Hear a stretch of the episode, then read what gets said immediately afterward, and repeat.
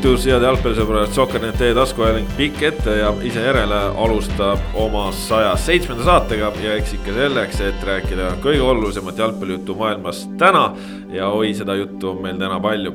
täna räägime mõistagi jalgpallis premium-liigas peeti päris huvitav ja omapärane voor.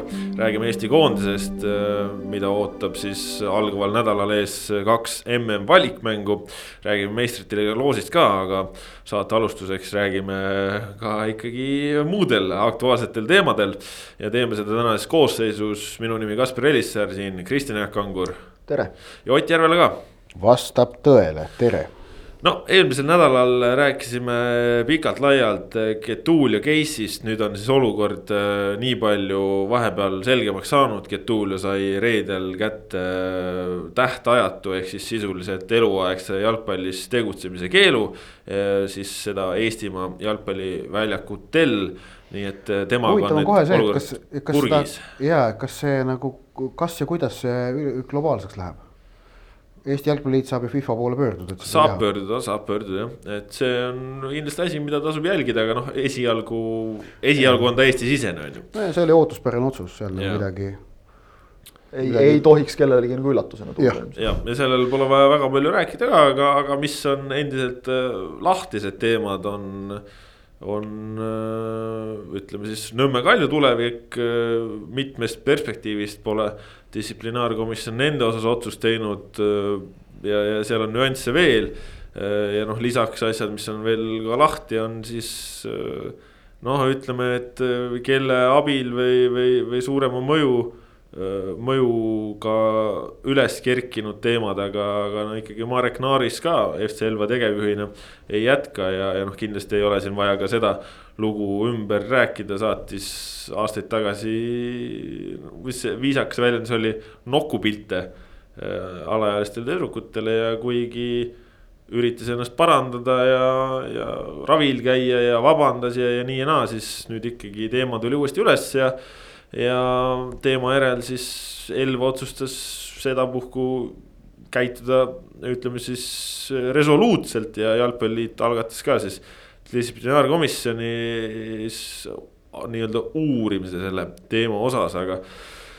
eks see, eks see üks õppetund, mis siit nagu kaasa võtta on sellest äh, Naarise ja Elva juhtumist, on see, et ähm, et tegelikult me oleme ju näinud Eesti jalgpallis seda, kuidas inimestele teise võimaluse andmine on ennast mitmel puhul tõesti nagu õigustanud, et no näiteks kasvõi väga arvestatav hulk nendest tüüpidest, kes kihlveopettuste eest said pikad võistluskeelud, on nüüd moel või tagasi, moel või teisel ju jalgpalli juures tagasi ja, ja enam nagu probleeme kellegiga teadaolevalt ei ole olnud nojah, meil siin kõrgliigas no näiteks Kulinis, Podoljusin äh, tippklubides. jaa, aga ka madalamatel tasemedel mängitakse kas amatööridena või tegutsetakse treeneritena, et noh, neid no, näiteid on. Grigorjev jõudis isegi saali koondisesse. jah, vist on ju, no noh, Maksim Kruznov on Narva Transis tegev. Äh, ja, ja tegelikult neid mehi on veel, Martin Tšekodajev minu meelest on näiteks. Taba, Tabasalu. just ja nõnda edasi ja aga, aga lihtsalt, et ähm, vaata, et spordis on see, et äh, kui keegi on äh, noh, petnud, nagu oli kihlveopettus, kasutanud isegi dopingut või, või näiteks varastanud. et kõikide nende asjade puhul tegelikult jah, usalduse taas ülesehitamine on võimalik. see, see nagu noh, see on, see on suhteliselt nagu ikkagi noh, läbinähtav, kas see usaldus tekib või mitte. aga seksuaalne väärkohtlemine on teema, kus tegelikult usalduse taas ülesehitamine pärast seda, kui usaldus on kadunud. on ilmselt, on aus öelda, et see on peaaegu täiesti võimatu, sellepärast et äh, äh, millised on äh,, millised on need tunded, mis valdavad ohvrit, ei ole võimalik kuidagi tegelikult täpselt lõpuni ära kirjeldada ja need tagajärjed, mis ohvrit võivad segada ja see on äh, paratamatult üks nagu põhjus, miks nagu seda usaldust ongi väga keeruline taastada, ilmselt võimatu jah, samas huvitav on noh, kasvõi selle Naarise kaasuse puhul äh, see asjaolu, et vähemalt noh, väidetavalt või näiliselt äh, nii-öelda kannatanud võtsid vabanduse vastu no need, need, need on jah, aga need on kõik jällegi detailid, millesse ma, ma, ma ei näe nagu põhjust praegu minna. ei, ei, ega, ei olegi vaja, sest noh, ütleme lihtsalt. tasandil, et see on tegelikult nüüd õppetund olnud nii Eesti jalgpallile, aga ilmselt ka Eesti spordile üldisemalt, me oleme juba näinud, et siin kui Eesti naiste korvpallikoondise endine peatreener Janne Šašmin tuli, tuli ju võttis eile ajakirjanduses sõna ja kirjeldas, et noh, et rääkis, et, et tegelikult tal on enda, enda elust sarnane kogemus võtta. Kindlasti neid asju on Eesti spordis juhtunud. Neid lugusid on sinu veel tulnud. just, neid, neid, neid on kindlasti veel olnud, see on äh, kole, see on õudne, aga paraku, paraku see nii on. ja ka vaadata muu maailma praktikat ka E, et siis tegelikult ikkagi jah, et on ainuvõimalik tegelikult ongi nulltolerants. ja seal on see, et vot noh, see on asi, kus nagu teist võimalust ei pea andma. E, juriidiline süsteem võib selle teise võimaluse anda, kriminaalsüsteem, aga see on selle spordiala sees ei ole vaja seda teha, et, et see on nagu spordialal on õigus siis otsustada, kellega ta ja kuidas ta mängida tahab. siit, siit me lähemegi nagu jõuame kohe selle Getulio juhtumi juurde tagasi, et eh, noh, siin advokaadid võivad väita, et eh, juriidiliselt on nii ja naa, see ei ole absoluutselt juriidika küsimus, nagu me rääkisime ka eelmises saates tegelikult, et see, see on midagi hoopis noh, enamat ja, ja täpselt, et eetilisest plaanist on Jalgpalliliidul, igal alaliidul, ükskõik millisel nii-öelda katusorganisatsioonil võimalus otsustada, et me ei taha sellist inimest enda sekka. ja, ja sellele vastu vaielda tundub nagu väga kummaline. ja siit nüüd liigumegi edasi Nõmme Kalju juurde, ehk et äh, mis on tegelikult minu jaoks praegu nüüd ikkagi pooleliolevatest juhtumitest kõige tähtsam, kõige aktuaalsem ja kõige huvitavam ka mis karistus määratakse Nõmme Kaljule, ma oleksin väga üllatunud, kui Nõmme Kalju äh, Getulia juhtumi eest karistada ei saaks. seal on juba põhjus on see noh, noh, et äh, jättes kõrvale isegi selle, kas noh, nad väidavad, nad ei teadnud ise sellest midagi, okei okay, äh,. võimalik, et uurimine jalgpalliliidu oma leiab teistsugused, aga sinna sekkumata. põhjus Nõmme Kalju karistamiseks on juba see üle-eelmise reede pressiteade kus tegelikult Getuliat õigustati, sellega tegelikult see oli jalgpalli maine väga selge kahjustamine, mis on jalgpalliliidu põhikirja järgi jalgpalliliidu liikmetel keelatud just, muide jalgpalli maine kahjustamisele viidati ka Getulia puhul seda otsust tehes, et see on nagu vägagi ja. adekvaatne punkt. aga noh, tege-, tegelikult on siin jah, Kalju puhul ikkagi nüüd, et, et millised noh, et seal on, seal on nüüd tuleb, tuleb need, kuidas öelda. potentsiaalsed karistused, võimalik, et tulevad sel nädalal, võimalik, et ei tule. et seal on nagu erinevad tasandid selles juhtumis, et siis on, meil on isikute tasand kus on ilmselt äh, president Kuno Tehva ja tegevjuht Ehte Eamets need peamised menetlussubjektid, võimalik, et keegi veel, seda me veel ei tea. Äh, siis on äh, klubi tasand, kas mingi sanktsioon rakendub Nõmme Kalju klubile ja siis on veel omakorda esindusmeeskonna tasand, kuhu, kellele osas ma nagu ei näe mingit põhjust mingeid sanktsioone rakendada, et ma noh, näiteks miinuspunktid peaksid praegusel juhul olema välistatud. see nagu ei ole see ei oleks absoluutselt adekvaatne karistada esindusvõistkonda praegu sellest, mida klubi kontor ei ole teinud, et. et okei okay,, meil on miinuspunktid on meil kasutusel siis, kui, kui nagu eelarvega noh, mingid jamad ja nõnda edasi. aga see praegu ei ole see koht, kus peaks nagu miinuspunkte hakkama arvesse võtma eelarvega seotud jamad on tihti seotud nagu noh, mängijatele maksmise ehk siis sealtkaudu mingi sportliku ebaõiglase eelise esindus, esindusvõistkonnaga ka ikkagi selgelt, mis, mis praegu ei ole teemas. esindusvõistkond on praegu tegelikult ju kannataja esindusvõistkonna mängijad, Nõmme Kalju esindusvõistkonna mängijad, no neist. mis mõnel, tundega, mis tundega sa lähed näiteks trenni Nõmme Kalju jope seljas praegu? jah, see ei pruugi kõige parem tunne olla. ilmselt mitte. Äh, kannatatakse kindlasti Nõmme Kalju fännid, äh, kellel on samamoodi noh, kelle kelle see süda, noh, see, kuivõrd palju see süda sellele klubile kuulub, see on lõpuks igaühe enda nagu teada ja seda me siit kõrvalt ei, ei näe aga selge on see, et, et, et ka selline asi, kui, kui, kui sinu see nagu toetatud äh, klubi sellise, sellise, sellise asja keskmesse satub, ei ole kerge kindlasti.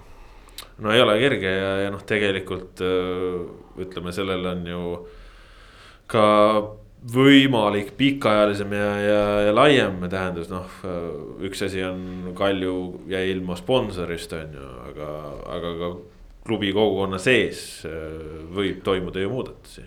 ei no noh, mis me räägime avatult, et noh, tegelikult on noh, on, äh, on huvitav näha, kas ja kuidas äh, suudab Kalju äh, hoida noormängijaid klubi juures. pärast säärast juhtumit ja selle avalikuks tulekut võib paratamatult järgneda asjaolu, et lapsevanemad viivad oma lapsed Nõmme Kalju trennidest minema see on, see on paratamatu tagajärg ja nüüd, kui noh, tea-, teatavasti Eesti jalgpallis kehtivad nagu ka muudel spordialadel ja mujal maailmas, et, et noormängijate klubivahetus on, on äh, niisama seda teha ei saa, et sul on selle jaoks vaja kas siis põhjust või luba või pead maksma kompensatsiooni. aga vabandust, et kui praegu minnakse jalgpalliliitu ja öeldakse, et me tahame Nõmme Kaljust ära minna, sellepärast me ei usalda seda klubi seoses Fred Getuli ja Aurelio juhtumiga, siis äh, jalgpalliliidul peale ei ole mitte mingit muud varianti, kui öelda, et jah, te võite, võite sealt klubist lahkuda ja ilma igasuguse kompensatsioonita. kui jalgpalliliit teeb mingisuguse muu otsuse, noh, see oleks käsiteldamatu. no vot, probleem oleks siis, kui, kui mõni Äh, siis teine klubi üritaks kuidagi kollektiivselt mingisugust rühma endale üle tuua, see oleks nagu. no ja okei okay,, jah, see oleks midagi muud, aga noh, tegelikult on seis see, et, et jah, et, et kui me nagu räägime individuaalsest juhtumitest, noh, see praegu see on olukord, kus nagu tuleb selgelt asuda noor, tuleks asuda noormängijate poolele. eks näis, kas see kõik juhtuma hakkab või mitte aga no näha on seda ju, ju ka selles, kui me võtame selle, mis toimus nagu Kalju naiskonna seal sotsiaalmeediakontodel pärast seda juhtumit, kus, kus oli juba teada, et nagu, et, et noh, see naiskond oli lõhki. ühed toetasid Getuliat, teised üldse mitte, siis, siis on, oleks naiivne arvata, et seal muudes võistkondades midagi sarnast ei oleks jah, no ja ega sellest Kalju juhtumist selles mõttes ei saa ka üle selle nurga alt, et kui esialgu noh, ikkagi nad särasid äh, PR fopaaga, ehk siis väga palju ebaõnnestunud sõnumeid läks avalikkuse suunas ja hiljem hakati neid siluma, siis noh, ütleme, et äh, viimase nädala jooksul on ikkagi PR-töö olnud äh, laitmatu ja ja ütleme nii, et on osavalt äh, suudetud ka tähelepanu enda pealt ära viia ja see on äh, ikkagi märkimisväärne. olgu Kas... siin, olgu siin kohe nagu öeldud, et äh, kogu see tähelepanu selle Elva ja, ja Naarise juhtumine on, juhtumile on noh, adekvaatne ja vajalik. selles, asjakohane, selles ei kahtle absoluutselt mitte keegi, siin ei ole küsimustki. sellest noh, tuli kirjutada, tuli kirjutada teravalt ka antud juhul, antud olukorras Jalgpalliliidu aadressil sest et noh, on, on nagu ohumärgid olid olemas, võimalus oli sellega tegeleda, sellega ei tegeletud tagantjärgi, tagantjärgi muidugi oleme kõik targad tagantjärgi targana, loodetavasti siis edaspidi nagu nüüd ka tuleviku jaoks targana sellega ei tegeletud nii, nagu oleks pidanud tegelema. aga see, et kui nüüd rääkida ilusat juttu äh, sellest, et vaja on taastada nagu töörahu ja, ja, ja kõik muu selline ja alustada siis selle töörahu taastamist noh, nagu suhteliselt kiiresti sellest, et et ühe lugupeetud eksministri PR-firma endale kohe nagu palgata sellist head kuvandit looma. et et noh, nagu väga-väga valest otsast hakata nagu asjaga tegelema, kallid sõbrad. ja, ja noh, see ei ole esimene kord, kus on nii, üritatakse nagu selle suuna alt minna, et noh, umbes nii, et, et oma nagu endale külge jäänud pori nagu niivõrd välja ei paistaks, et siis proovime nii, et, et siis noh, teised oleksid ka kõik porised, et, et siis, siis, siis me nagu sulandume ja siis, siis unustatakse meie asja. kas see on Nõmme Kalju puhul midagi uut, ei ole? tuletame meelde kahe tuhande kaheteistkümnenda aasta kokaiini case'i, kus Nõmme Kalju tuli välja retoorikaga, et see on Eesti jalgpalli probleem. just seda, seda retoorikat oli... me nägime ju läbivalt ja kusjuures ma ikkagi rõhutaksin, et seda retoorikat me nägime ka päeval kui ütleme siis jah, reedel tehti nagu see ebaõnnestunud avaldus, mille kohta öeldi, et see oli õnnetu juhus ja vastus kellelegi ja mis iganes ei äh, no see on, ütleme, ütleme välja, ei, see on bullshit. ei no ongi bullshit, seda ma ütlesin. Nad lootsid tollel hetkel, et kogu see asi õnnestub ära tappa ja, ja et ründame seda, vastu. seda sõna ma kasutasin juba eelmises saates. Et. seda sõna võib kasutada, selle puhul tuleb kasutada sageli ja. läbivalt yeah.. aga, aga järgmise päeva lõuna ajal, kui oli nagu hommikul tehtud esimene avaldus veel selle kohta, et, et, et noh, eksisime ja, ja, ja tõesti väga vabandame ja, ja noh tegeleme nüüd probleemiga, ehk siis nagu nii-öelda õiged sõnad, siis sellele järgnes tegelikult päeva jooksul veel Nõmme Kalju enda Facebooki kontol eneseõigustamist, et äh, noh, ja siis jõud, jõuti jälle sinnani välja, et naiste jalgpallis on intriigid ja, ja veel umbes noh, ühesõnaga, et ongi ikka sihuke üldine meid ümbritsev probleem, et me ei räägi praegu sellest, jah, on küll meid ümbritsev probleem, aga konkreetselt me räägime praegu nagu selle, selle klubi sellest juhtumist just. et jätame nagu selle kõrvale ja et, et ja kui hakata hakata nüüd nagu siin advokaatide kaudu noh, kas natukene näitab nagu ka see, et, et mis tüüpi juristi keegi endale võtab ennast esindama, et, et kui nagu lähenemine noh, ega seda keelata ei saa, et kui lähenemine on Kalju- see, et mustata võimalikult palju nagu teist poolt, noh, okei okay,, seda võib teha, aga, aga ütleme, ei maksa imestada, kui sellest inimesed teevad ka omad järeldused. Kalju vist ei ole teada, kas nad on mõne juristi endale praegu selles juhtumis võtnud. ma ei mõtlegi Kaljut no konkreetselt no, mingid juristid neil igatahes ju need selgitused jalgpalliliitu ma pean silmas saatsid. konkreetselt siis ei- Getulio, Getulio aga esindajat, Kalju kokkuvõttes on Kalju tegutsemine selline sõna nagu võltsvagadus tuleb meelde. just, et, et see noh, tore jutt nagu kõik, aga, aga et kui siis nagu esi, üks esimesi samme on see, et, et hakata otsima nagu soppa teiste kohta ja suunama teravikku teiste suunas. see, kusjuures see sopp võib olla nagu täiesti reaalselt olemas ja seda teravikku tulebki suunata, aga antud juhul ei ole siis Nõmme Kalju see, kes peaks seda Tege- tegele teravikku suunama. Teil ei ole, vabandust, teil ei ole moraalset õigust seda teha see on koht, kus tõmmata, jah, see on koht, kus tõmmata pea õlgade vahele ja, ja leppida sellega, et äh, panid puusse ja siis tõesti parandada asju, töötada selle töörahu nimel. Võtta nagu- võtta tööle see, see psühholoog, eks ole, teha mida iganes, mida te peate vajalikuks teha, aga mitte hakata näitama, et näe, teised tegid ka.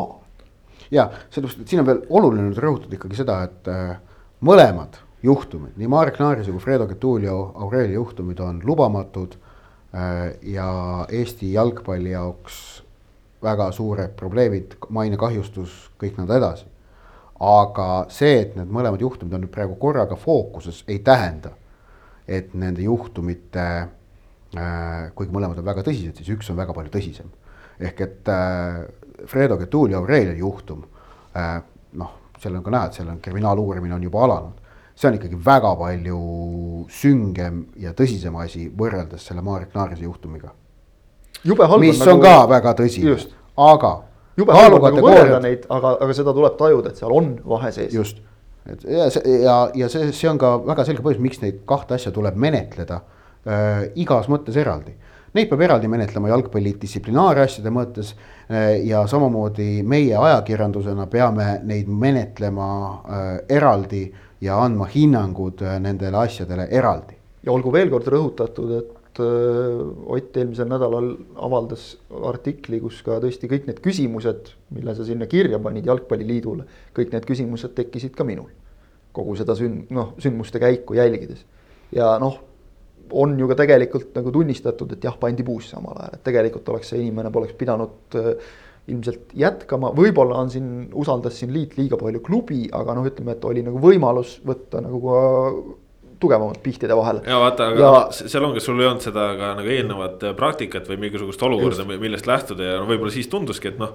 anname teise võimaluse läheb inimene ravile, et siin ju võeti mingisugune reaktsioon on ju erine, erinevalt, erinevalt, ma segan korraks vahele, erinevalt siis näiteks sellest olukorrast, kus Nõmme Kalju puhul, kes siis ütlevad meie ei tea asjast midagi, samal ajal ütlevad nad, aa näe, Aivar Pohlak teadis küll. ja siis noh, et.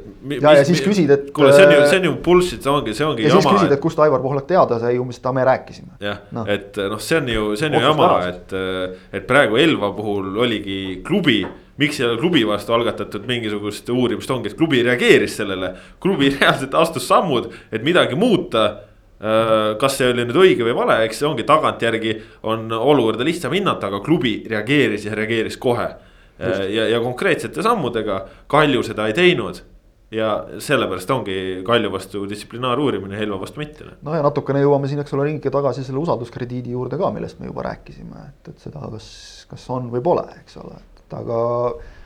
aga noh, see, see on üldse nagu omaette teema täiesti, et eh, seda näeb ka nagu palju väiksemates asjades Eestis, et, et mingil põhjusel nagu jah, muidugi alaliit vastutab paljude asjade eest, aga kohati meil nagu unustatakse täiesti ära, et esimene vastutaja peaks olema ikkagi klubi selle eest, mis klubis toimub. Et sealt minnakse nagu tihtipeale üle ja siis noh, leitakse nagu põhjendusi, et vot miks me ei saanud ja. ja miks ei olnud võimalik ja, ja liit nii ja liit naa jälle, et, et esimene asi, mine räägi välismaal näiteks sellisest juhtumist kellelegi. võtame näiteks praegu Inglismaal ka vägagi teemaks oleva samasuguse täpselt noh, otse öeldes veel, veel rängemad asjad ikka lapsepilastamisskandaalid, mis, mis hakkavad järjest välja tulema ja seal on ka nii, et, et muidugi jah, noh, oleks saanud ka alaliit ilmselt paremini tegutseda, aga esimene, kelle poole nagu süüdistav sõrm suunatakse, on klubi. kuidas teie, kelle nagu noh, tihtipeale ka sõna otseses mõttes katuse all nagu igapäevaselt mingid asjad toimuvad, kuidas teie ei näinud? siin muidugi selles Getulia juhtumis on noh, veel nagu eriti keeruline, et, et see käis kuskil nagu natuke hallil alal nii-öelda kahe klubi vahel, aga siis, kui me räägime konkreetselt, tegemist oli ühe klubi palgal oleva treeneriga. et noh, ja, ja ütleme nii, et seal peaaegu juba vist kahekohalist arvu tunnistajaid, kes seda juttu räägivad. noh, raske on nagu eeldada, et nad kõik valetavad. et, et klubi oli teadlik ikkagi sellest, et on, on probleemid, aga täpselt otsustas üldse mitte tegeleda.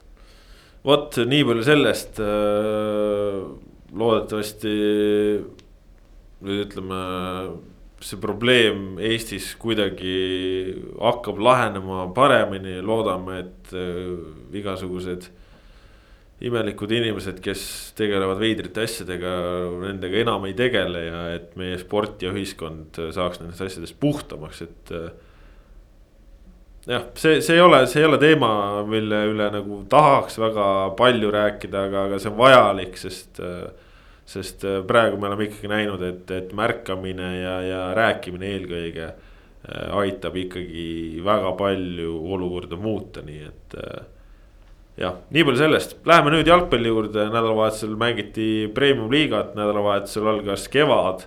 kevad algas laupäeval kauni lumesajuga ja oli endalgi suurepärane võimalus jälgida no ikkagi keset lumesadu võib-olla vooru oodatumaid mängu Tallinna FC, Levadia ja äh, jalgpalliklubi Leegioni vahel. neli-kolm äh, Levadia võitis. mäng oli siis tegelikult selline, kus Leegion läks juhtima, siis jäi taha, tuli viigi peale välja ja tundus, et juba minnaksegi viigiga lõpuni, kuni seal noh, kümmekond minutit enne mängu lõppu pandi kirst tordile. ehk siis Robert Kirst tuli vahetusest ja, ja lõi võiduvärava.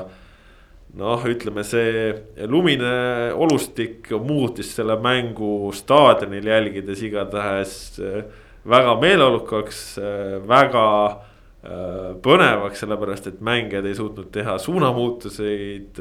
olukord oli ka ikkagi selline intriigirohke, kuna oli palju väravaid, siis äh, mängijad nautisid seda ja, ja pärast mängu noh. rääkisin asjaosalistega ka ja noh, kõigi jaoks ta oli ikkagi nagu vägev elamus äh, ja, ja meeldejääv elamus ja et noh, kahtlemata säärastes äh, tingimustes mängitakse jalgpalli väga harva ja noh, ideaalis sa seda teha ei tahaks, aga vahel tuleb vahel tuleb ja noh, me näeme ka maailma praktikast, et tegelikult ega ikkagi mängu naljalt ära ei jäeta ja, ja probleem on eelkõige siis see, kui selle mängu enda ajal seda lund sajab. et siis noh, kui on enne mängu, siis üldiselt jõutakse väljak ära, ära lükata, kui mängu ajal sajab kogu aeg juurde, vot noh, siis ongi selline. ja säärane mäng säärastes tingimustes äh, esile tuleb mängija tarkus, see pääseb väga maksusele, kes suudab selle keerulise olukorraga kohaneda, selle jaoks on vaja mängutarkust, mängu lugemise oskust. sellised asjad muutuvad eriti hinnaliseks säärastes olukordades. jah, selle pealt me nägime, et Aleksandr Dmitrijev, kolmkümmend üheksa, oli väljaku üks silmapaistvamaid figuure ja lõi värava, lõi värava., mida ta muidu ka ei tee ja sel-, noh, selle peale, kui Aleks-, ma nägin, kuidas Aleksandr Dmitrijev lõi värava ja mul tuli kohe selle peale meelde see, kuidas aasta oli äkki mingi kaks tuhat kaheksa või üheksa ja Eesti koondis, äkki see oli mäng äh, Hispaanias Meridaga, see pidi siis kaks tuhat üheksa olema, aga võis ka mingi muu olla äh,. igatahes oli seal Dmitrijevil olnud võimalus peale lüüa. no ja oli kütnud ikka niimoodi meetreid mööda, võimalik, et see oli mingi muu mäng ka.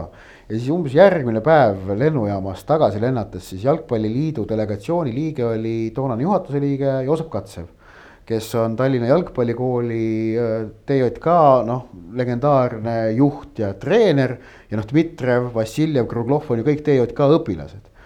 ja siis Katsev äh, niimoodi rääkis ka seal mängust ja siis tähendas eelmise päeva seda, seda Dmitrijevi võimalust. no Dmitrijevi löök, noh ma mäletan lapsest saati ju teda, ta pole kunagi osanud peale lüüa ega väravat lüüa, ta muidu väga hea, aga seda ta ei oska mul tuli millegipärast see jutt kohe meelde, kui nägin, kuidas Dmitrijev seal niimoodi nii ilusalt sinna lati alla kõmmutas. otse õhust või? otse õhust ja ja kusjuures mul vist tuli seesama asi meelde ka siis, kui ta Infoneti eest see kaks tuhat viisteist või kuusteist oma need eelmised väravad lõi. viisteist jah. viisteist. kusjuures ka Levadia vastu. ja, ja et aga, aga noh, et ei, see oli, see oli jah, selline ilus mälestus. see oli tal vist nagu niimoodi tippjalgpallis, kui noh, ta siin mängis vahepeal kolmandat liigat ja, aga tippjalgpallis oli vist suisa viimase kümmekonna aasta kolmas värav juba, nii et tegu on ikkagi väga resultatiivse mängu. koondisest Dmitrijev jäigi värav löömata, okei okay,, tal lahkumismäng on veel ees. jõuab, jõuab. ja, ja eks ta klubi rinnet, ega ta, ega ta klubi jalgpallis lõi ka ikka väga vähe, ta väga mõnega vähe. lõi, aga ta lõi ka välisklubides väga vähe. ta on, ta on jõudnud väga lähedale, ma mäletan ka Infoneti särgis, kus ta kasti tagant pani siukse puraka latti ja põrkas sealt joone peale veel, aga mitte sisse.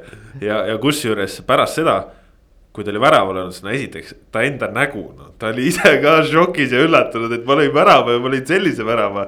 ja siis äh, pärast seda veel teisel poolajal teisel poolel vend proovis kasti tagant veel korra, aga no siis juba tuli sihuke tavapärane.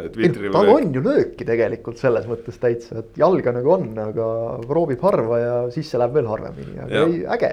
aga, aga noh, mängust endast ka ütleme mida oligi huvitav näha, oli, oli see, kuidas äh, Dmitrijev, Tõõmov äh, tegelikult sõid selle Levadia keskvälja ära, et äh, Bogdan Vašuk oli suhteliselt peidus. see Sakari Begleršvili, kellel oli siis Pavel Tõõmov isiklik võtmehoidja nagu Elari Valmas kunagi vist Martin Tomson eristis.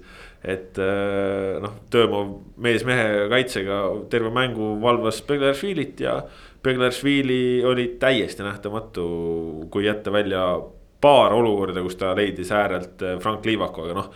Beglaršvili ei domineerinud seda mängu, nagu ta tavaliselt teeks ja, ja see oli Töömovi suurepärase töövili seda oli väga huvitav jälgida, huvitav oli jälgida seda, kuidas noh, Leegion teadis, et äh, rasketes oludes on Levadial raske tagant lühikese sööduga välja tulla, panid kohe ülevalt äh, liinid kinni. ja, ja noh, Levadia mängiski siis sellist pikemat palli ja nagu Vladimir Vassiljev ütles siis noh, ongi, et ega tegelikult andi ka, anti ka juhis riietusruumis, et äh, ilmselt on sellise lumega liiga riskantne tagant alustada. et proovimegi pikka, aga, aga kui sa seda igapäevaselt ei harjuta, siis sul ei ole ka sellist vilumust, ehk siis lõpuks pääses maksu selle noh, siis ma ei tea, õnn ja ja ma ei tea, tahtmine võib olla, kuigi tegelikult Leegionilt ikkagi noh, väga, väga tugev avaldus ka nendes rasketes oludes, et, et näidata, et nendega tasub arvestada. Andreev, suurepärane esitus, Sander Puri, suurepärane esitus, noh, keskvälja ma juba kiitsin ja German Schlein kusjuures oli veel pingil, ehk et noh, neil on seal ka seda sügavust. neil on, neil on võimalik Igor, varieerida. Igor Košman ka Ukraina kõrgliigast on veel see sügavuse pakkuja. no just, just ja, ja noh äh, huvitav on siis näha, et kas nagu need noored. noh, seekord said äh, vahetusest peale Ivanov ja Arhipov, et, et millist rolli nad suudavad kanda, kas äh, tugevamad kui eelmisel hooajal. küsimärk on nüüd väravahi koht, et noh, et Londak sai vigastada, kas, kas ja kuidas jah, õnneks, tundub, et, et see Londaku vigastus on siis no, mitte nii tõsine, kui ta alguses tundus, Londak siis äh, põrkas kokku Brent Lepistuga, Lepistu esimese poole lõpus see intsident oli, Lepistu enam mängu ei jätkanud, viidi haiglasse kontrolli ka ja kontrollist küll õnneks vist selgus, et midagi hullu ei ole. aga Londak jah, proovis edasi mängida, aga teise poole keskel ikkagi pidi ära tulema ja, ja noh, see Lepistu intsident äh, selles mõttes jah, näitas seda, ütleks, et siis väga jõulist mängu karistusalas, mida, mida Karl Koppel ka lubas, sest äh, Lepistu, kes oli eelnevalt ju löönud värava, äh, lõi mm. värava olukorras sedasi, et ta jalg oli tegelikult sigitas Olberkise näos. ehk siis noh korduse poja lennundus oli viga tegelikult, tegelikult oleks pidanud, tegelikult see värav oleks tohtinud lugeda, oleks pidanud Lepistule sealt vea vilistama, aga noh, samas on täitsa arusaadav, miks. sellised väiksed asjad võivad jääda märkamata kohtunikele, et noh, jalgpallis niimoodi juhtubki paraku või, või noh, ma ei ütle isegi paraku, vaid noh, niimoodi juhtub, on ju. Et, et suutis Lepistu oskusliku mängijana ka piisavalt kogu selle olukorra niivõrd ära maskeerida, et, et värav loeti ära ja noh, see oli Levadiale väga tähtis tabamus. jah, see oli, see oli jah tähtis, aga noh, ütleme sellised olukorrad kindlasti Leegioni poole pealt noh, tagantjärgi kripeldavad väga, et. muidugi, no. aga samas no mängu nad kaotasid seetõttu, et äh, ei suutnud nurgalööki äh, ära kaitsta kaheksakümne kolmandal minutil ja no eraldi ma tooksin ikkagi välja selle Karl-Andre Valneri kolmiktõrje see oli, sellest pärast mängu minu meelest nagu isegi äkki räägiti isegi natuke liiga vähe ja, ja, ja mängu. ütleme, et mul oli, mul oli palju punkte ja see, see mainisin põgusalt tõesti. jah, ja, ja, ja, ja mängu ajal ka nagu seda nagu ei võimendatud minu meelest ausalt öelda piisavalt palju. see oli mängu võtmemoment. seal, see ei olnud mingi tõrje, mis nagu väravahil oleks nii-öelda kohustuslik teha et, et, et see, et see ei olnud nagu ootuspärane päästmine, vaid see oli ikkagi selline noh, erakorra, erakordne äh, sooritus ja noh, väga, väga tähtis Levadia jaoks päästis võistkonnale ilmselt punkti, punktid, jah.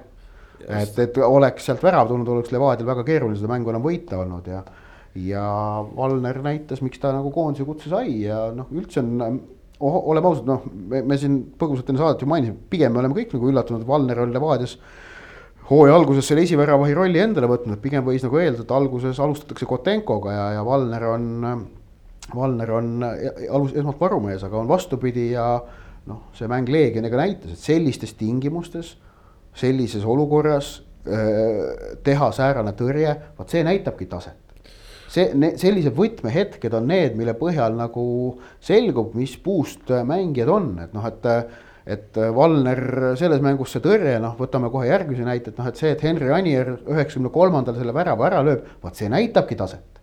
ja Levadia puhul noh, väike nagu ohumärk on see, et, et kui nad on nii kinni selles öö, oma mängus ja kui nad siis kas, ma ei tea, ilma väljaku, mille iganes tõttu ei saa seda mängida, siis äh, plaan B või plaan C tuleb nagu natukene vaevaliselt, et äh, nendel oli piisavalt klassi. Leegion tegi kaitses äh, siuksed individuaalsed rohmakad, mida nad proovivad edaspidi vältida, on ju. aga, aga see nagu natukene, natukene on selline ohukoht, et, et sa pead suutma ka väljakul mängijana ise reageerida olukorrale. et kui sa ei saa teha nii, nagu sul on kästud, et siis sa leiaksid selle teise lahenduse, et noh minu meelest oli see reha, mille otsa natukene eelmisel hooajal joosti juba, et, et kui see plaan A ei töötanud, siis, siis plaan B-ga jäädi hätta teinekord. nojah, aga noh, jällegi kokkuvõttes on ju, et kui sul on neli väravat, siis noh, järelikult ka asjad töötavad, aga aga jah, seal ütleme, need mõtteained kindlasti on ja, ja noh, kokkuvõttes oli ikkagi väga äge lahing ja, ja tõesti mul oli väga kahju, et, et ma olin üks vähestest, kes, kes seal tribüüni peal olla sai, et äh, ajad on paraku sellised, et. Äh, no ja oleme ausad, ega siin midagi eriti muutumas ei ole ilmselt. ei ole jah, ei ole jah. vot igatahes äh, Levadia siis äh, jätkab tabeli tipus. Ja, ja nende jaoks on selles mõttes äh, algus hea, eks proovivad sellest äh, nüüd kinni ka hoida, kohe nende ka koos on seal tabeli tipus Paide linnameeskond, Ott juba mainis seda, kui napilt nad sinna jäid, aga, aga lahing tulevikuga. no oli juba küll väga sellise moega, et tulevik sealt selle punkti kätte saab. noh, Paide, Paide oli üllatavalt kehv, aga tulevik oli ka jälle meeldivalt tubli, et, et tegelikult äh, kinnistas tulevik seda, mida nad eelmises mängus Kuressaare vastu näitasid, et äh, seal on, seal on idee ja seal on nagu, sa saad aru, et noh, see meeskond usub treeneri nägemusse ja, ja seal on kuidagi väga hästi sel hooajal, vähemalt tundub esimeste mängude pealt on tasakaalu saadud, see, et on need noored vennad, kes tahavad tõestada ennast. välismaalastega on läinud, ärme nüüd võrdleme eelmise aastaga, et paremini, vaid on suisa hästi, võiks öelda. Mintongo on näidanud ennast heast küljest ja nii no, edasi. Mintongo ongi kantee, nagu ma ta kohe alguses ära ristisin, et no. see eilne mäng ainult võimendas sedasama arvamust. just ja noh, valiti jälle selline ilmselt üsnagi ainuõige taktika, et noh, kaitsest lähtuvalt. aga siis mingil hetkel läks see asi nagu liiga kaitsest lähtuvaks ja, ja noh, mingil momendil nagu Paide sai aru ka, et, et see individuaalse pealt mängimine, see nii ei toida. Ja, ja, ja läksid nagu natuke sirgjoonelisema mängu peale üle ja noh, lõpuks on see klassikaline, et senderdus äärelt. üks mees lükkab peaga teisele ette ja see lööb ära ja ongi kõik. oli seal suluseisu ei olnud siis? minu meelest oli jah no ma pole kordust kerinud, aga ma ütleks, et see on ilmselt selline suluseis, et noh, varriga sealt ilmselt mõõdab selle välja, aga kuna meil varri pole ja peab kohtuniku silma usaldama, siis on loogiline, et kohtunik sellises olukorras lippu nagu ehku peale ei lähe tõstma. jah, aga just see no, suluseis ilmselt oleks siis selle kevadise reegli muudatusega, millega muudeti käe definitsiooni või vabandust, see oli, ei, see oli sügisene vist. igatahes see, kus nagu ühesõnaga Äh, selle õlavarre, õl, õlavarre ülemine ots loetakse nüüd ka suluseisu tekitavaks. sellepärast, et kuna sellega on lubatud palli mängida, järelikult on võimalik selle kehaosaga ka väravat lüüa, järelikult saab see kehaosa ka suluseisus olla. Äh, ja minu meelest jah, seal ikkagi Lutsu söödu hetkel Anier oma õlaga on seal tulevikukaitsjatest äh, noh, ees me räägime tõesti väga väikesest äh, marginaalist äh, ja noh, seda ütleme, on, on väga keeruline abikohtunikule ette heita.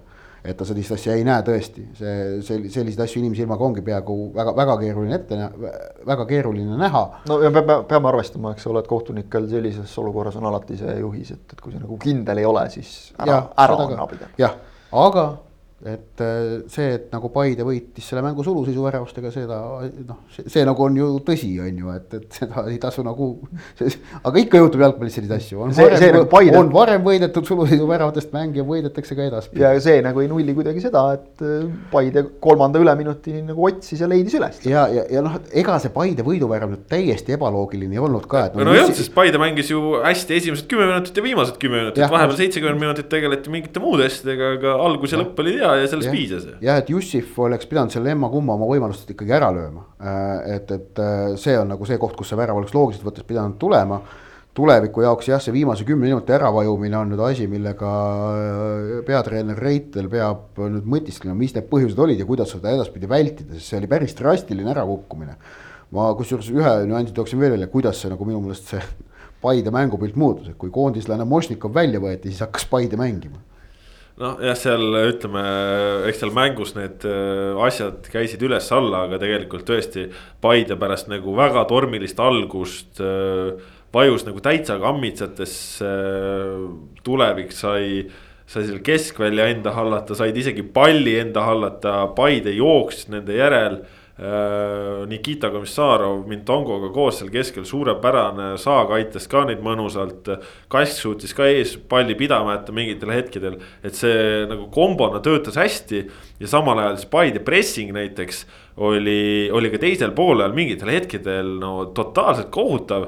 kui nad äh, muidu noh, tahavadki mängida kõrget survet ja nii edasi, siis nad läksidki viie vennaga läksid ülesse. ja sealt üks mees jookseb ise üksinda ilma söötudeta, jookseb viie venna vahelt välja, et no mis asja, mis pressing see on selline, see on ju nali, on ju. et äh, selles mõttes äh, Paide nagu üllatas äh, mängu jooksul vahepeal väga negatiivselt, sest äh, ma ei saa aru, kas asi oli selles, et äh, koondise peatreener Toomas Häberli oli, oli tribüünil või milles asi oli. aga Paide ei mänginud meeskonnana, iga vend, iga vend mängis nagu Üks üksinda, mina nüüd teen, mina nüüd näitan, ma nüüd panen väga kihvti söödu, ma nüüd võitlen väga tublid, ma nüüd siit jooksen hästi.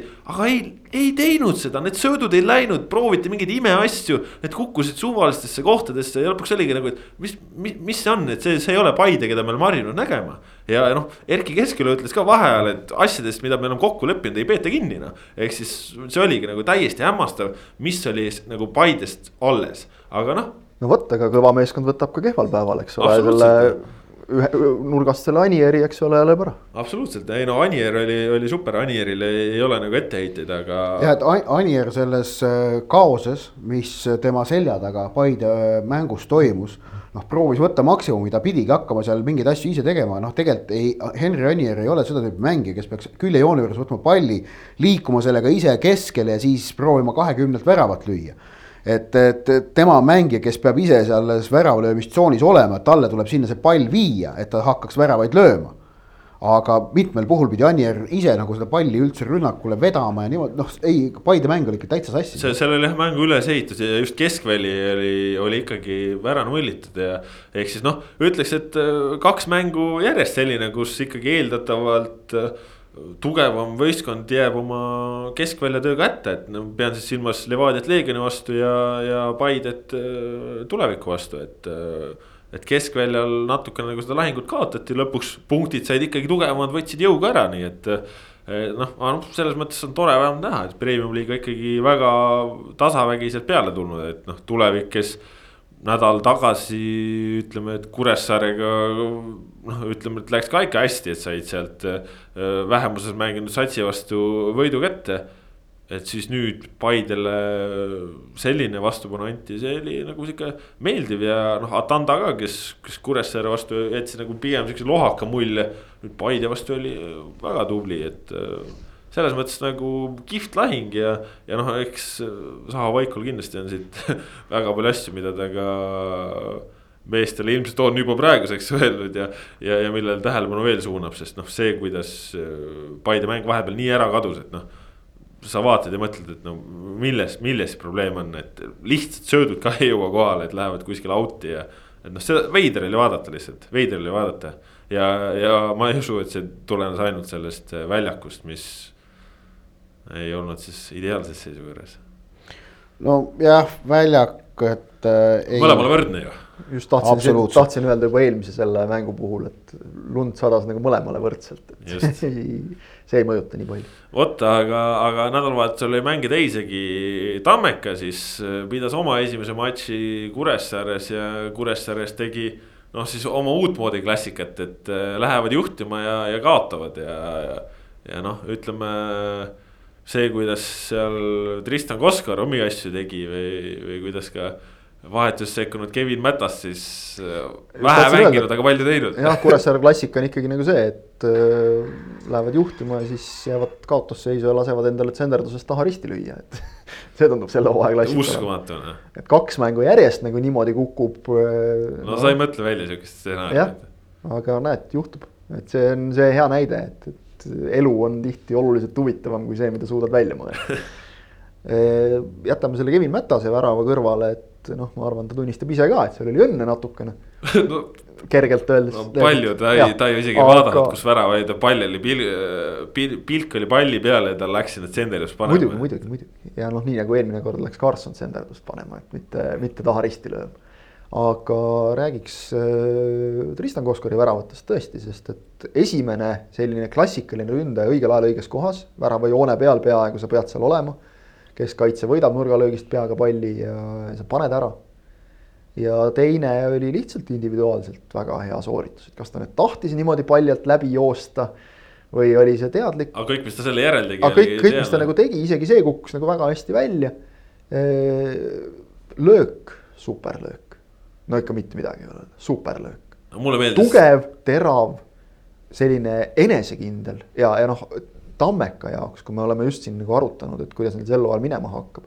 siis Tammeka jaoks ülitähtis on see, et Koskor sai nüüd, ma usun, kõvasti enesekindlust nendest väravatest no ongi, et kui sa talvel hallis oled, on kuival ja, ja siis liiga hakkab pihta, paned kohe kaks kotti ära, et see on ikka hea, aga noh, ongi, kui sa. ja, ja mitte mingit nagu kobinaga, vaid üks on see, et sa oled nagu, su kohavalik on hea ja teine on see, et, et sa lihtsalt individuaalselt võtad kaitse ette ja lahendad ära. ja, ja mul... see oli selline, kuidas öelda, Koskori tegutsemises kumas sellist äh, läbi nagu sellist ähm, noh, olukorrast üleolekut, et ma, mina kontrollin seda ja. olukorda ja see on, see on selline jalgpallis väga selline võluv asi, mida vaadata ja mida selle omanik saab kahtlemata väga-väga nautida. ja, ja noh, ongi, et kui Kangur, sa kiitsid seda lööki ennast, siis äh, ma ikkagi kiidaks Koskari vahetult seda, seda väikest pettekest, äh, kus ta justkui nagu noh, et ma nüüd lähen siit paremaga panema ja, ja Pajunurm läks niimoodi selle ohvriks, läkski seda paremat jalga kinni panema, sest noh, Koskar tavaliselt lööbki paremaga.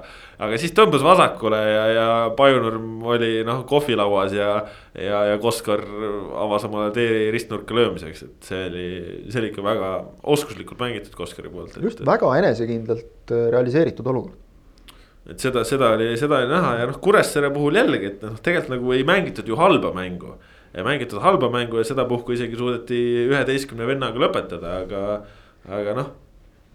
ikka juhtub noh, ikka juhtub neil. no äkki järgmine kord tuleb punkt ära siis juba jah. aga et noh, Kuressaarel ikka kohati natukene on seda näha ka, et mingites kohtades noh, kas on see nüüd individuaalne klass või mis, aga, aga just see, et, et nagu mängitakse jah, see, mida tehakse, tehakse õigeid asju väljakul. aga jääb puudu natukene, see on vist veidike see, mida sai juba räägitud hooaja eel, et just, et Kuressaare on kindlasti juurde pannud aga kas sellest nüüd piisab teiste vastu, see on omaette küsimus. ja et noh, kui siin niimoodi vaadata, et kaks mängu on, on juhtima mindud ja nii on ju, et siis noh, justkui nagu esimesest kahest matšist kuus punkti oleks nagu terendanud. aga praegu nad on Barranca peal, et ei, ei läinud väga hästi Barranca peal olemine on sedavõrd traagilisem, et äh, ka uustulnuk Pärnu vaprus on nüüd ühe silma omal juba kätte saanud ja. Ja sai ta siis kätte selle Narvas no. Transi vastu ja noh, see on siis mäng, millest äh, väga palju pole rääkida, sest noh, isiklikult ei jõudnud seda mängu vaadata, aga tegelikult ka seda mängu ei saanud väga vaadata ja. ja noh, võib-olla siis kuulajatele taustaks, et, et miks seal need ülekandega probleemid olid, siis ütleme, et ilmast tulenevad, ehk siis selles äh, lumetuisus tormis äh, ütleme nii, et ei olnud Narvast võimalik seda pilti, mis, mis äh, üles võeti väga nagu internetiavarustesse edastada, et. no see on nagu natuke paratamatu, et kui me sellistes oludes mängime, siis ei saa nagu alati eeldada, et kõik süsteemid toimivad, kahjuks. aasta, aasta kaks tuhat kakskümmend üks, aga, aga tundub jah, et. ei no nii lihtsalt on. looduse vastu ei ole keegi kaitstud jah et.... midagi ei ole parata, et kui sul ikkagi mingisugused antennid ja asjad seal nagu lörtsi täis sajavad, siis noh, nii on lihtsalt ja, ja, ja, ja kõik, et see on see. See on see risk, mille me võtame noh, Eestimaa kevades varakult alustades, et, et noh, riske võib võtta, eks ole, peabki võtma, aga lihtsalt mingid asjad teinekord kaasnevad sellega. eks püüavad kõik osapooled teinekord paremini, aga mängust noh, nii palju kui ma aru saan, siis ikkagi vist äh, Vaprus sai nüüd mängida ju samades oludes, millest treeniti kogu aeg, et. tuli kohe välja ka jah. kõik oli suurepärane, kohe tuli punkt ka, et, et, et väga hea ja, ja noh, see on nüüd äh, küsimärgid kindlasti Transi jaoks. et kui sa kohe nagu annad, äh, noh, see, sa Paidele kaotad, eks ole, skoor pole tähtis tingimata, seal oldi ju tegelikult jupp aega ikkagi mängus sees täitsa et noh, see Paidele kaotamine, eks ole, kas on see null üks või üks viis, seal vahet ei ole nagu eriti, et see on nagu selline loomulik tulemus, et nii võib juhtuda. vaprusega teed kodus üks-üks nagu kohe hooaja alguses, siis sa kohe annad nagu kaks punkti ära seal ütleme tammekatele ja. Ja noh, ka Kuressaarele selles mõttes, mis siis, et Kuressaare on nulli peal, nii et, et see noh, on on, on kindlasti probleem. aga jah, seal. aga kiidame, kiidame Vaprust, kes võitles välja selle punkti, nende jaoks väga tähtis punkt just selles mõttes, et saada ikkagi kohe silm pähe. see ja, oleks aga... muidu oli nagu reaalne oht, et sa püsid pikalt nulli peal, see sööb meeskonda kõvasti, selline avamäng on all, kus noh mm -hmm. joosti alt ja pealt ja üle ja ümber, eks ole, põhimõtteliselt, et nüüd sa saad nagu kohe midagi kätte ja, ja noh mängukirjelduste pealt jäi nagu mulje, et ikkagi ka teenitult. võideldi see..., võideldi see punkt välja ja noh, müts maha selles suhtes. just, ja siis noh, transvaprus mängusangritest rääkides ei saa mööda vaadata ka meie Kris Ilvesest. jah, kindlasti. kes siiski peaks natukene võib-olla oma kolleegide käest küsima, et äh, kas nagu miinuskraadidega tasuks mütsi äkki pähe panna ja, ja nagu muid asju teha. no seda küll jah. sall kaela võib-olla. aga, aga pidas lõpuni vastu. pidas ja. lõpuni vastu, aga ma tahaks mängulises mõttes ikkagi kiita veel Enrico Veensalut ka, suurepärane karistuslöök üle müüri, mis selle viigi värava ja punkti neile tõi, et äh, selles mõttes tore on, et ma ta Fantasy's maha müüsin, et. Äh, tuli, tuli ka vahetusest. sellepärast lõigi, see on Fantasy klassika ju. ei no muidugi. tõstad mingi venna koosseisust välja, kohe hakkab tegema. ma näiteks äh, ostsin Mattias Männilane ka ja jätsin ta pingile ja noh, seal ta on oma väravaga, nii et. juhtub, ei, see on tore, see on lõbus ja noh, tõesti vapruse jaoks olukord kena, eks näis, kui kena see olukord Transi jaoks on, et koondise paus tuleb vahele ja. eks kõik jõuavad oma elude üle järele mõelda. igatahes nii palju siis mängiti nädalavahetusel kodumaist jalgpalli. oleks pidanud toimuma ka naiste superkarikas Flora ja Kalevi vahel seal Flora positiivse koroonaproovi tõttu mäng ära jäi ja, ja eks seda koroona asja on meil ka praegu ikkagi väga palju ja väga mitmel rindel ka koondise kontekstis. Äh, tuli eelmisel nädalal koondise nimekiri, nimekiri on nüüd äh, muutunud vahepeal kaks korda esmalt siis veel siin nädalavahetusel oli esimesed muudatused ja, ja nüüd siis värskelt täna, esmaspäeval tulid uued muudatused. ja noh, võib-olla kõige suurem muudatus, mis koondisega on seotud see, et äh, A Le Coq Arena'l, kus on murukasvatusse investeeritud viiskümmend, kuuskümmend tuhat eurot, seda mängu võõrustada ei saa, sest terviseameti juht arvas, et äh, riik võidab sellest, kui mõlemad võistkonnad saavad mängida neutraalsetes tingimustes, mitte ei ole Eestil koduväljaku eelist, sest. ülekaalukalt eelmise nädala kõige lollim mõte, mida on välja öeldud No, otsus kui selline, sellest võib nagu täiesti aru saada, aga see konkreetne nagu väljaütlemine, see lause. ei no see... Lanno, see on naeruväärne lihtsalt. ei no tegelikult ka, et jalgpallihaigla, tehke nüüd ära, et jalgpallihobu auhind, mis viimati kaks tuhat kolmteist välja anti, et äh, noh.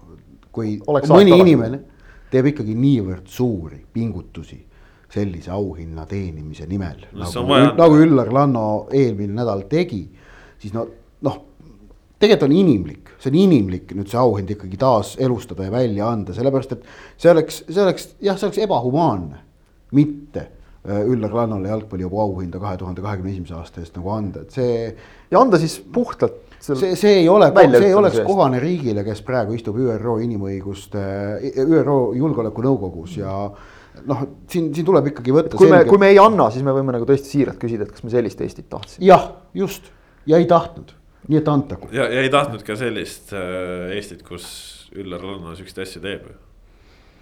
aga koondisest rääkides, siis eh, noh, viimased nüüd esmaspäevased uudised on see, et, et eh, Frank Liivak äh, peab jätma vahele mängu Tšehhiga, et ta Tšehhi mänguks ei ole.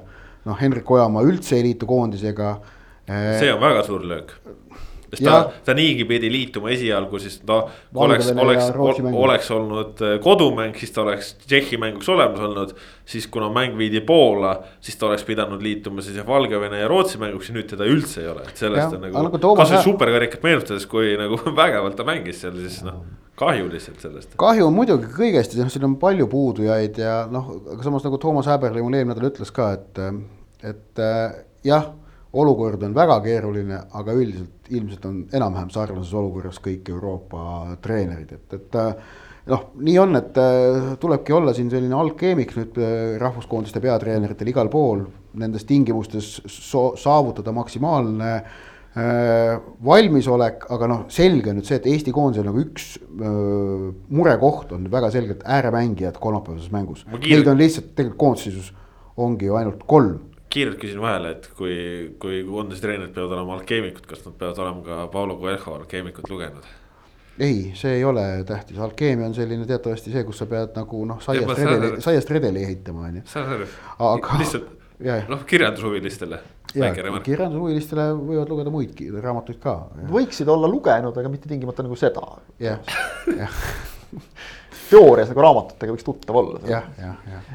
Et äh, ääremängijad on Vlassis Sinjavski, Rauno Allik ja nüüd kutsuti juurde ka Karl Rudolf Õigus, aga rohkem ääremängijaid kolmapäevast mängu silmas pidades tegelikult koosseisus ei ole. Rõhutame, kes on õigus- ää- ääreründajad õigusel peaks olema null minutit premium liigas. jep, Ja- täpselt. nii nii et et noh, tegelikult on seis see, et noh, et äh, Sinjavski ja Alliku alustavad, noh, see on nagu selge, on ju. siin nagu ei ole nuputada eriti. jah, ja noh, tegelikult ka, et, et noh, jah, et kuidas seda koosseisu, no noh. Seal on variant ju ka see, et, et mängida hoopis viiest kaitseliini. noh, mida me ilmselt mängimegi. Ja ilmselt mängimegi, mida me nägime. ehk siis tegelikult meil Ferenc või, Varose vastu, sellisel juhul ääreründajaid äkki ei ole vaja. ei olegi, et meil ongi, lähemegi hoopis. Sinjavski läheb ühele äärele, noh, ta mängis ka Ferencvarose vastu mäletatavasti on ju seda tõusvat äärekaitsjat. et, et noh, aga, aga noh. või siis jah, tegelikult meil on, ongi Pika ja Lillanderiga annab, annab ka päris palju ära katta. jah, jah. et äh, võib-olla Kreida Käit on keskel kindlasti mm. -hmm. Vassiljev alustab kindlasti. ründajad, noh, tegelikult võib ju mängida ka kahe ründajaga. Ehk et tegelikult võib mängida ka jah, võib ju, võib ju teha niimoodi, et sa paned keskväljale Kreida Käidi Vassiljevi ja paned Sorga ja Zappineni mõlemad ette.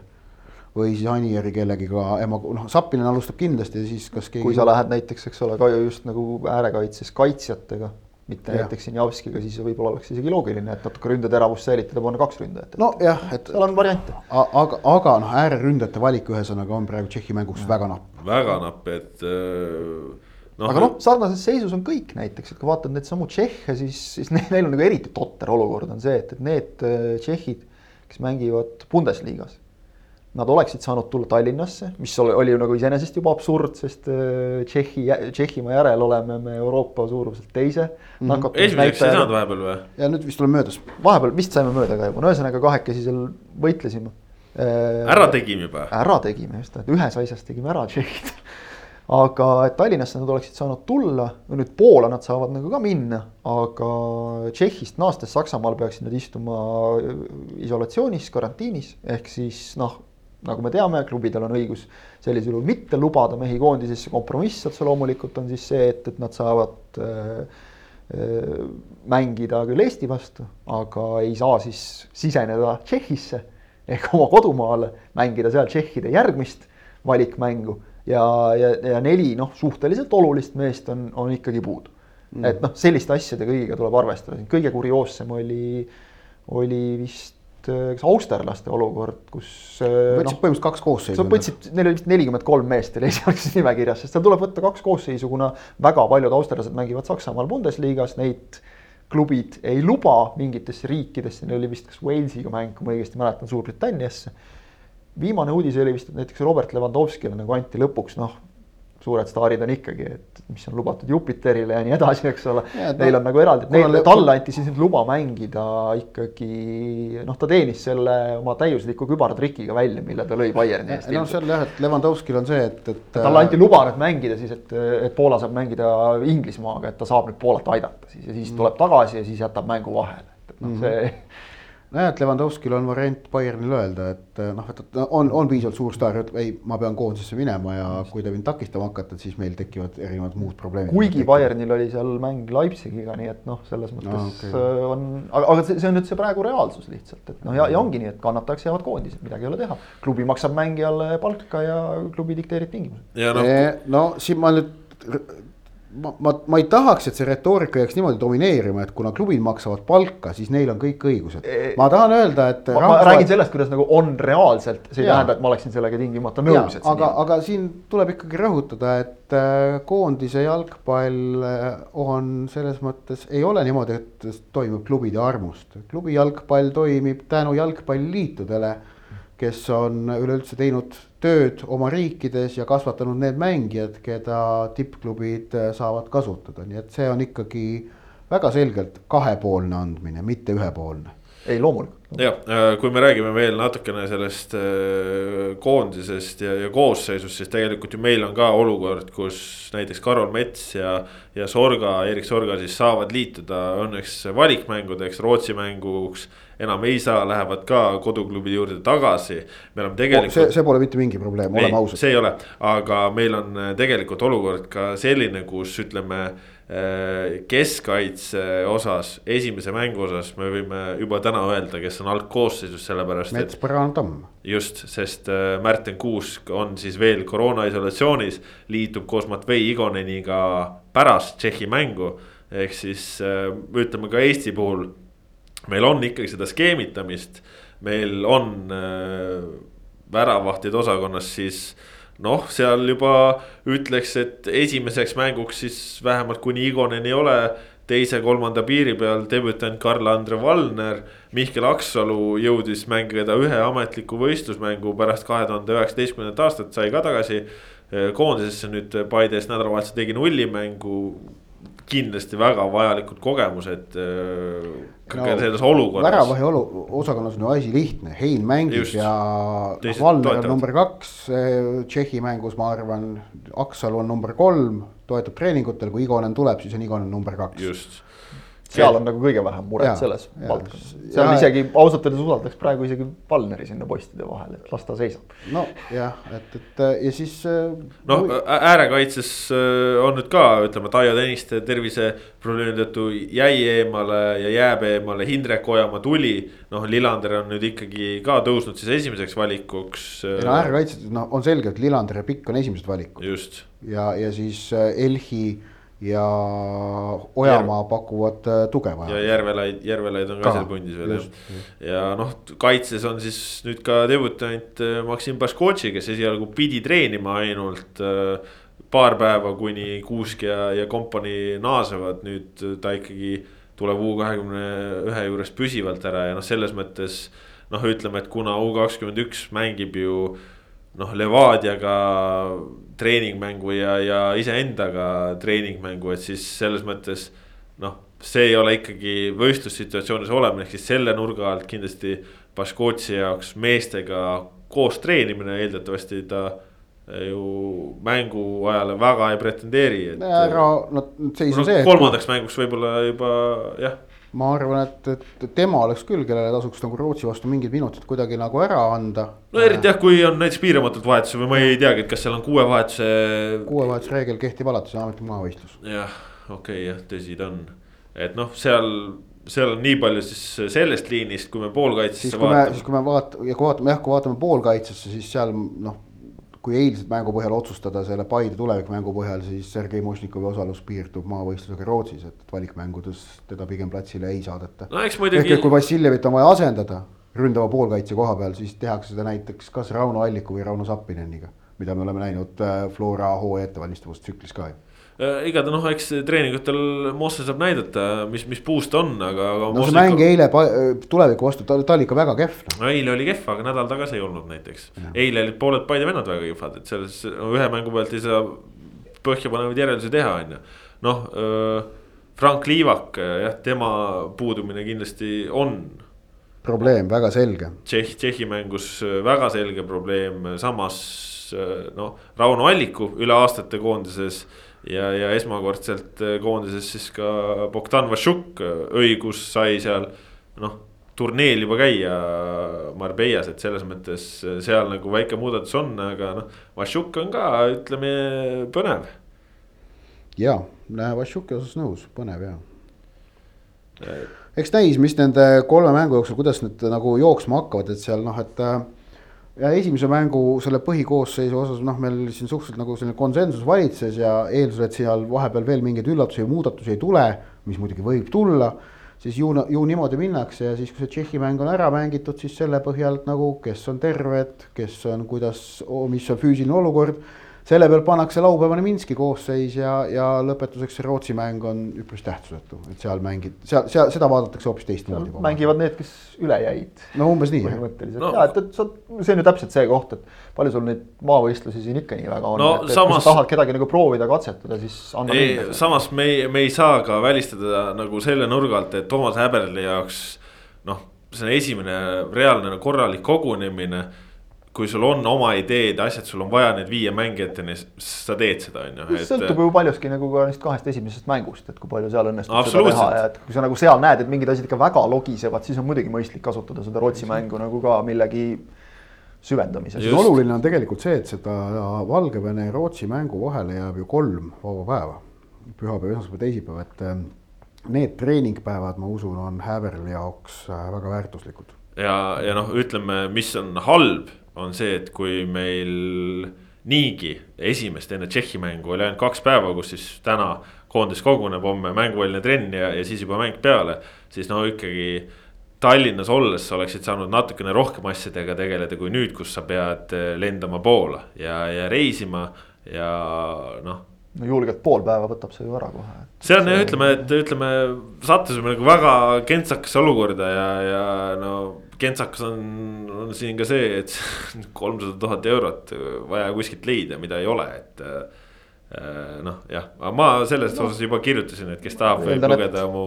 kultuuriministeerium teeb taotluse ja loodetavasti see siis ka rahuldatakse, et oleks nagu kõigil, kõigil hea. aga mis te arvate, on siis praeguses sellises üliveidras olukorras äh, avanädalast punktilootust ka? Lootus on. aga kõige loogilisem stsenaarium on ikkagi see, et Eesti noh, et kui me, kui me lootus ikka on, on ju, aga küsida, kas nagu pigem Eesti avab punkti arve või mitte. siis ma arvaks, et õige vastus on ikkagi pigem mitte. ma arvan, et Valgevenelt võiks ju midagi kätte saada. ei no võiks küll, aga noh, see tõenäosus on minu meelest piisavalt väike, et et äh, kokkuvõttes tuleb tõdeda, et Eesti pigem sel nädalal punkti arvet ei ava. ma olen optimist, ma arvan, et üks saadakse kätte kahe mänguga.